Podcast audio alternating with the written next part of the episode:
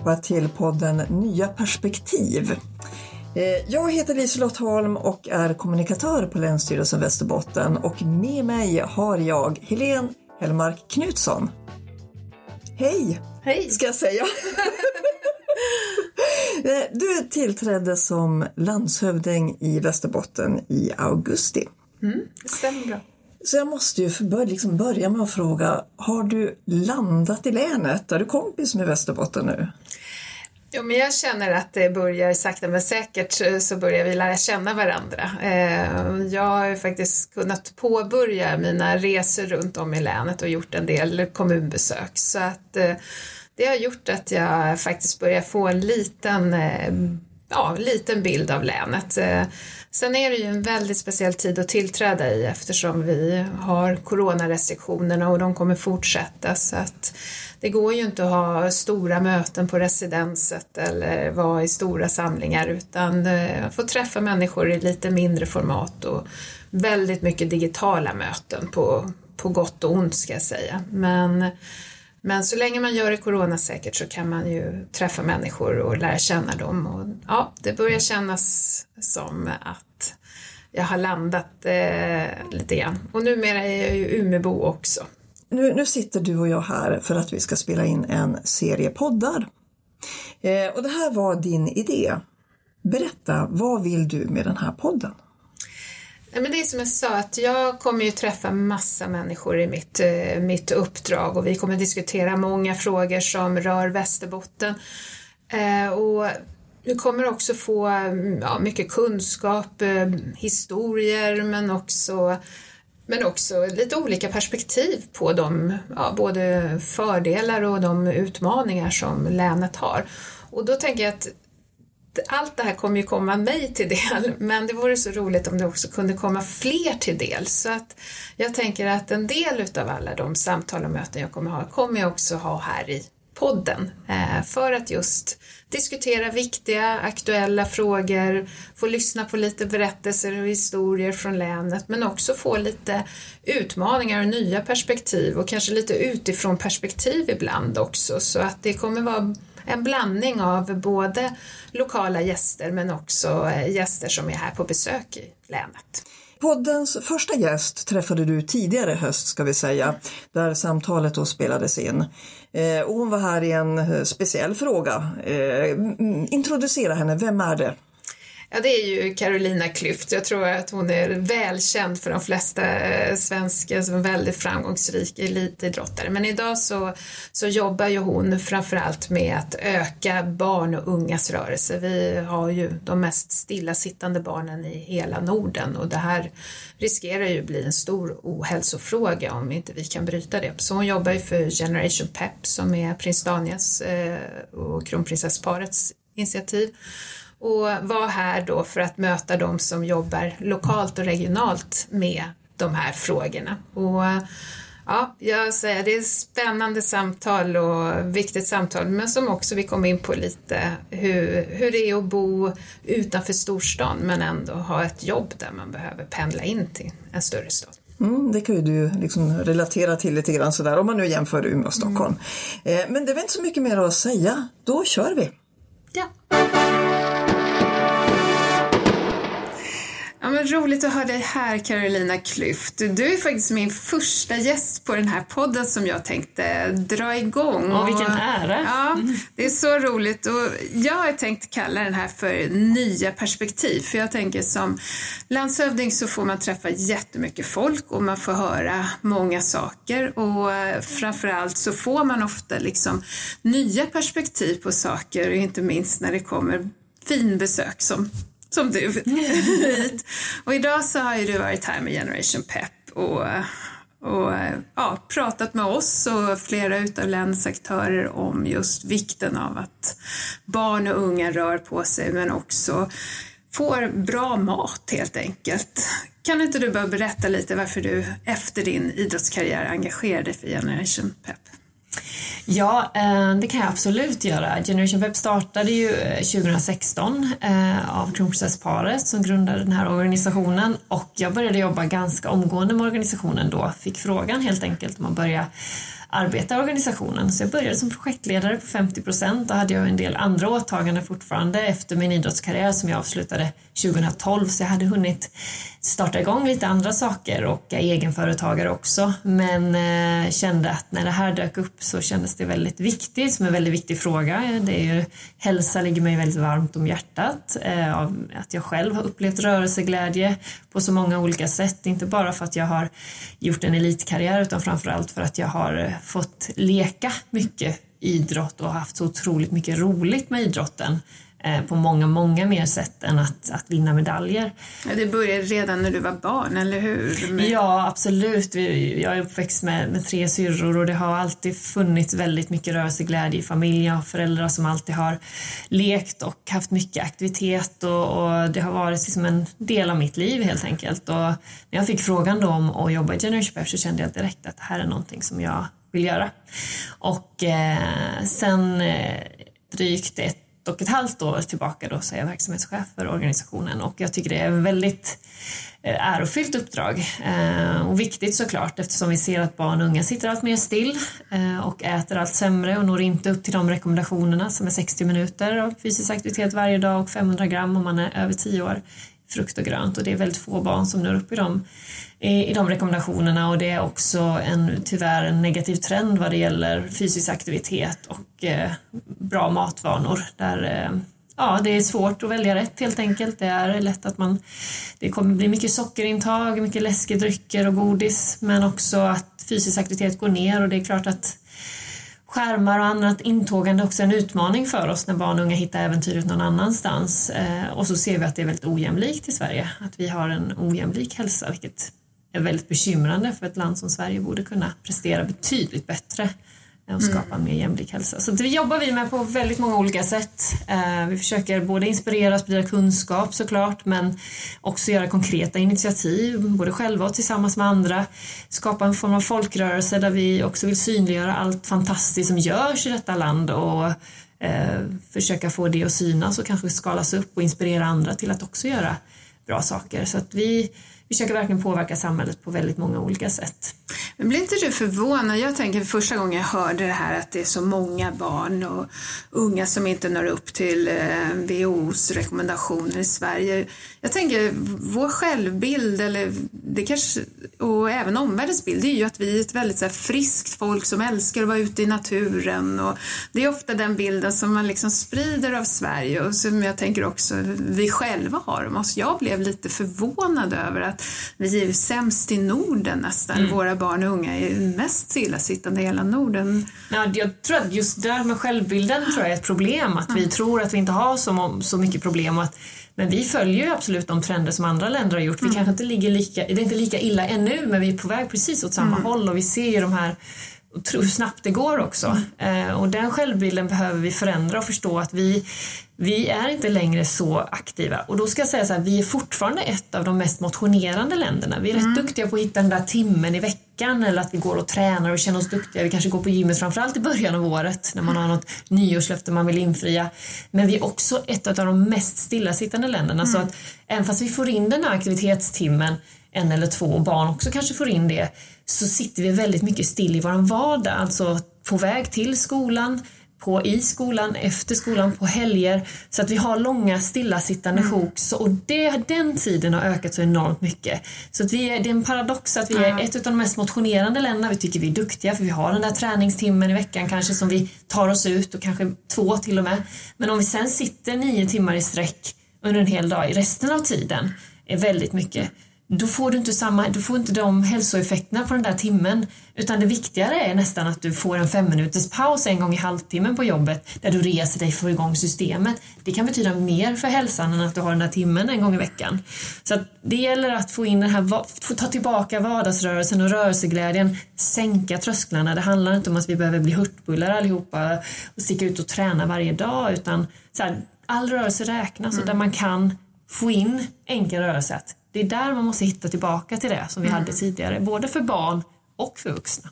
Och sen just den här ojämlikheten som du säger, för det är ju, jag har ju varit aktiv i idrottsrörelsen och där ser man ju att det är några barn, de tränar väldigt, väldigt mycket och har väldigt många träningstimmar, men några barn rör sig nästan inte alls. Och det är skillnad mellan tjejer och killar men det är också skillnad i just det där beroende på var man bor och mm. Vilken socioekonomi föräldrarna har och möjlighet att skjutsa. För det ställer ju ganska mycket krav på liksom, den organiserade idrotten. Så det gäller just att mm. på det sättet som du pratar hela tiden om att sänka trösklarna och försöka göra saker hela tiden, göra det lätt. Ja, och där har vi en hälsoklyfta som vi måste försöka sluta. Mm. Och när man jobbar med de här frågorna så finns det ju också en risk att man ökar den hälsoklyftan om man bara frälser de redan frälsta som Just redan det. är peppiga och mm. de blir ännu mer hälsosamma och springer ännu längre fram. Men du når inte den gruppen som kanske halkar lite efter och känner men det finns inget här för mig och hur ska jag komma, liksom, komma i, i rörelse och vad ska jag göra för mina barn? Och, och då måste vi, vi måste rikta resurser och blickar mot grupper som vi har svåra att nå i samhället och skapa förändring på väldigt många olika sätt så att det inte blir avgörande vad du har för socioekonomisk upplevelsemiljö mm. eller vilken utbildning dina föräldrar har eller om du bor på, i glesbygd eller i storstad. De här bitarna ska inte spela roll i dagens Sverige. Vi måste kunna bättre och, och förändra på en strukturell nivå också använda eldsjälar, de ideella krafterna som finns. Alltså det är en samverkan mm. mellan olika delar.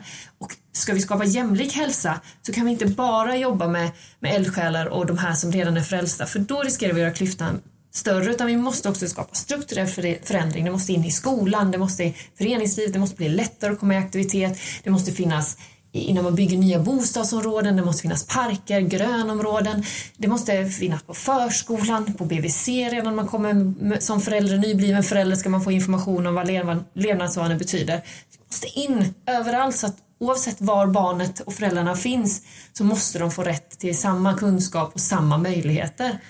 Annars kommer den här klyftan bara. Tycker du, jag har ju varit kommunalråd också så jag tänker det här var ju en fråga som det, men det var ju väldigt mycket kopplat till den organiserade idrotten och jag tror att nu har man liksom kommit lite längre och börjat titta just på det här med skolvägar, att du kan cykla eller gå till skolan.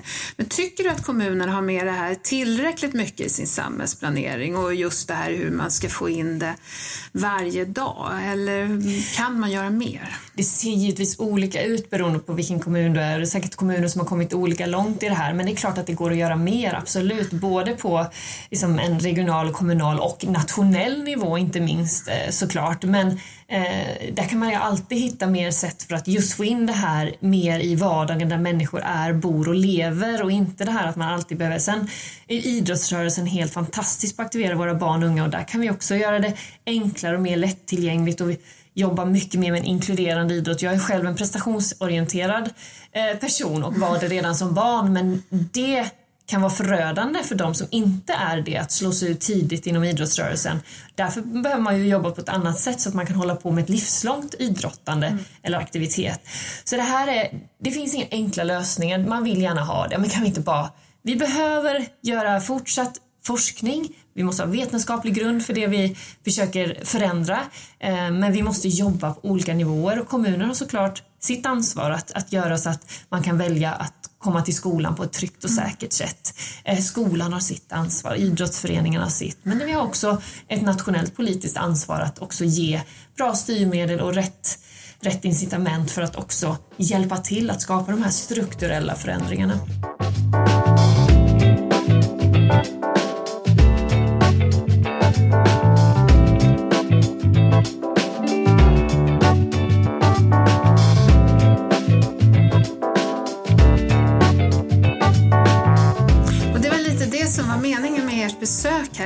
Idag här i Västerbotten, det var att liksom samla de här olika aktörerna och se på vilket sätt man kan stärka samverkan eh, regionalt. Det var det någonting här för förmiddagen som du tog med dig som du tyckte ändå verkade vara på gång eller som gav någonting utav eh, ja, det här som du efterlyser?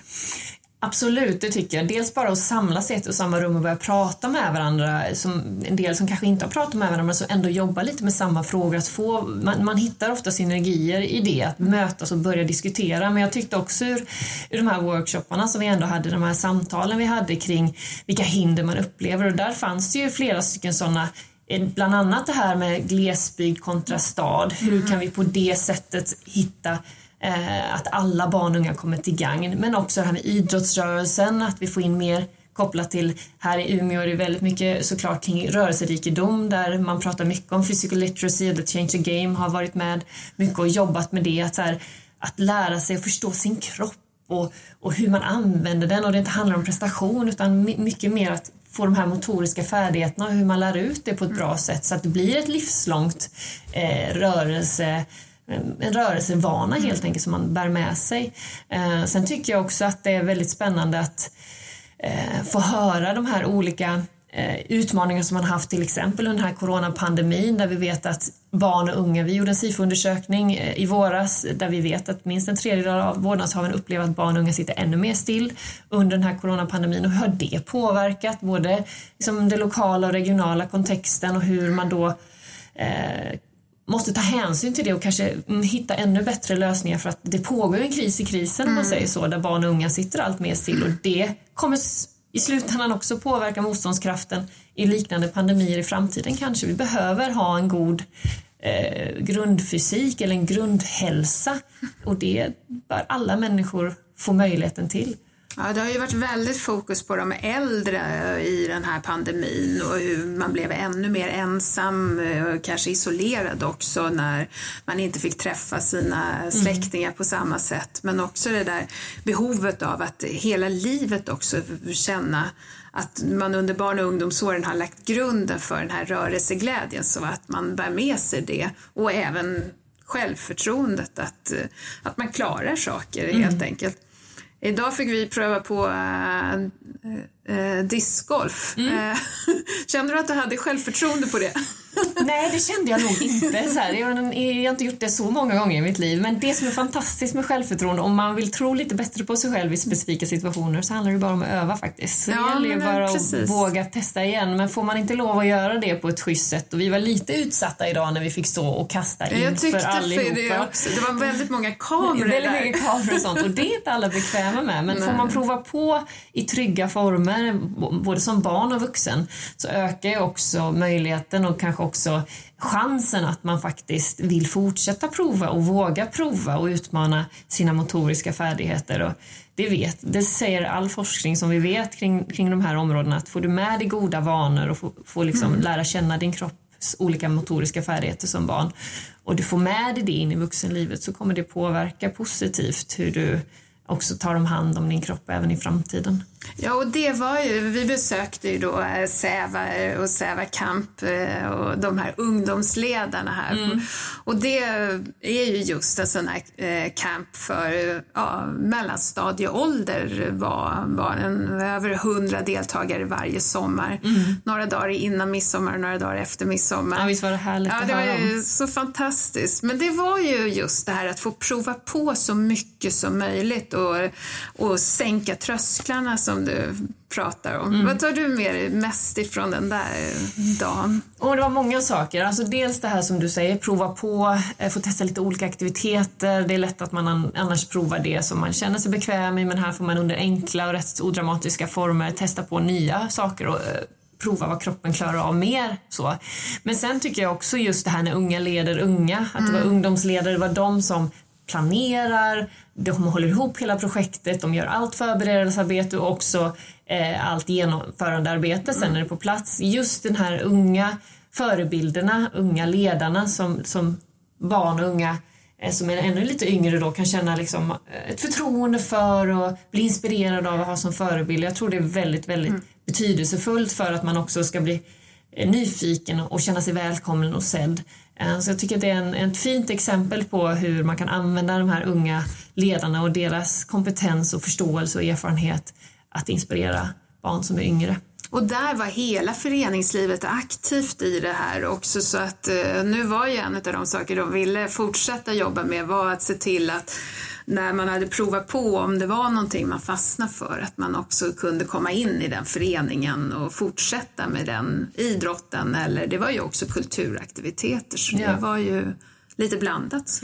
Ja, och där är ju nyckel att vi inte skapar de här tomteblosseffekterna bara där man provar på vad händer sen utan att man också kan hjälpa barn och unga och deras vårdnadshavare att, att hitta till föreningar eller hitta till aktiviteter eller om det är eh, parken i, i byn eller i staden mm. eller att man hela tiden påminns om var finns det här och vad kan jag vad, vad, finns det för möjlighet för mig och för våran familj? Eh, och att man kan röra sig tillsammans på fritiden som barn och vuxna tillsammans, att det finns platser för det.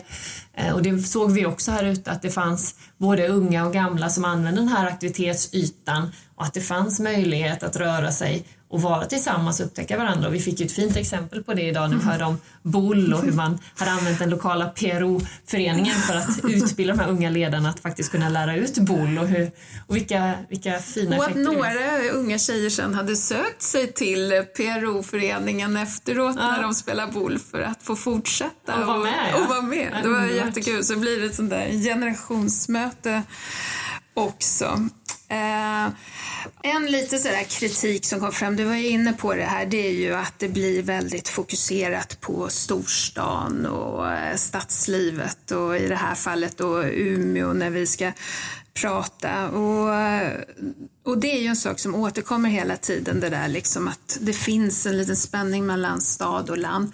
Men du har valt att bo på landet. Mm. Du bor i Järvsö numera och ändå så har du ditt jobb i Stockholm. Och, och tre små tjejer. Mm. Och, hur får du det att funka och gå ihop? Nej, men för det första har jag ju en arbetsgivare som har varit fantastisk på så sätt att jag har fått lov att få möjligheten att jobba i Stockholm ett par dagar eh, och sen jobba resten hemifrån. Det har ju varit ännu mer påtagligt nu under coronatiden men så jobbar jag ju eh, normalt sett så jobbar jag hemifrån tre dagar och två dagar i Stockholm och det har ju varit en förutsättning för att jag ska kunna bo i Järvsö och ändå ha kvar ett jobb i Stockholm. Mm. Um, och det, jag får jobba på tåget och jag, sitter liksom, jag åker direkttåg och kan sitta och jobba på tåget. Jag kör ju jättemycket digitalt och digitala möten, digitala avstämningar med mitt team och så vidare. Så att det är ju tack vare att jag har en arbetsgivare som har varit uh, generös med att ge mig den möjligheten. Och, jag Vad är det som lockar med livet på landet? Ja, men jag, jag tycker att det är, jag, jag får det bästa av två världar. Jag tycker det är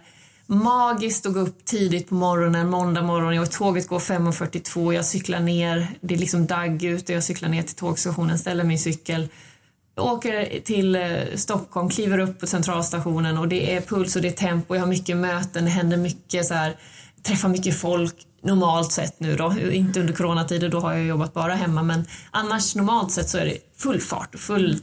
Eh, och sen tar jag tåget hem på kvällen, jobbar lite, sen checkar jag ut, tar min cykeltur hem genom kohagar och över älven och det är helt stilla och det är bara som befrielse att komma hem och mm. få ett mm. annat tempo och, och få njuta av liksom landsbygden och allt vad det betyder för mig med naturen precis in på knuten och att lätt komma ut i rörelse och barnen kan springa ut och in som de vill och så vidare. Så att jag älskar båda de där världarna och tycker mm. det är fantastiskt ynnest att jag får lov att Det får man väl hoppas att det blir en av de kanske positiva effekterna efter den här pandemin, att fler kan få möjligheten att kombinera att jobba hemifrån och använda de här digitala möjligheterna som vi har lärt oss nu allihopa mm. med både möten och eh, jobb. Verkligen. Eh, men ändå kunna bo där man vill och där man mår bra och där man vill se sina barn mm. växa upp också. Avslutningsvis då, du, du tror inte att du hade tävlat här i eh, Umeå eh, under din aktiva tid.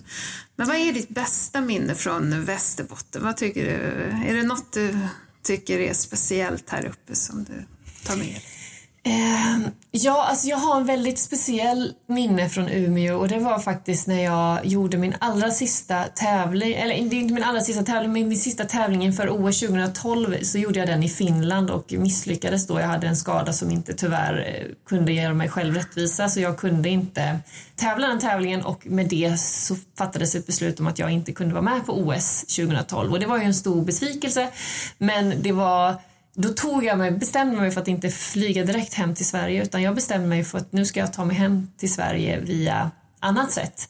Och då blev det så att jag började ta mig från Finland upp i norra Finland med tåg och nattåg. Jag kom upp till Rovaniemi. Det var liksom en healingresa kan man säga eh, för att liksom bara släppa den där besvikelsen och jag skrev mycket, jag lyssnade på musik och sen begav jag mig ner och så tog jag, det, Sverige och Finland är långt man, och så skulle jag ta mig hem ner mot Stockholm där jag då bodde. Eh, men då var en av mina sista anhalter innan jag skulle, jag tror jag flög från Umeå sen hem till Stockholm. Det var just Umeå och jag landade hos goda vänner Anja Persson och Filippa.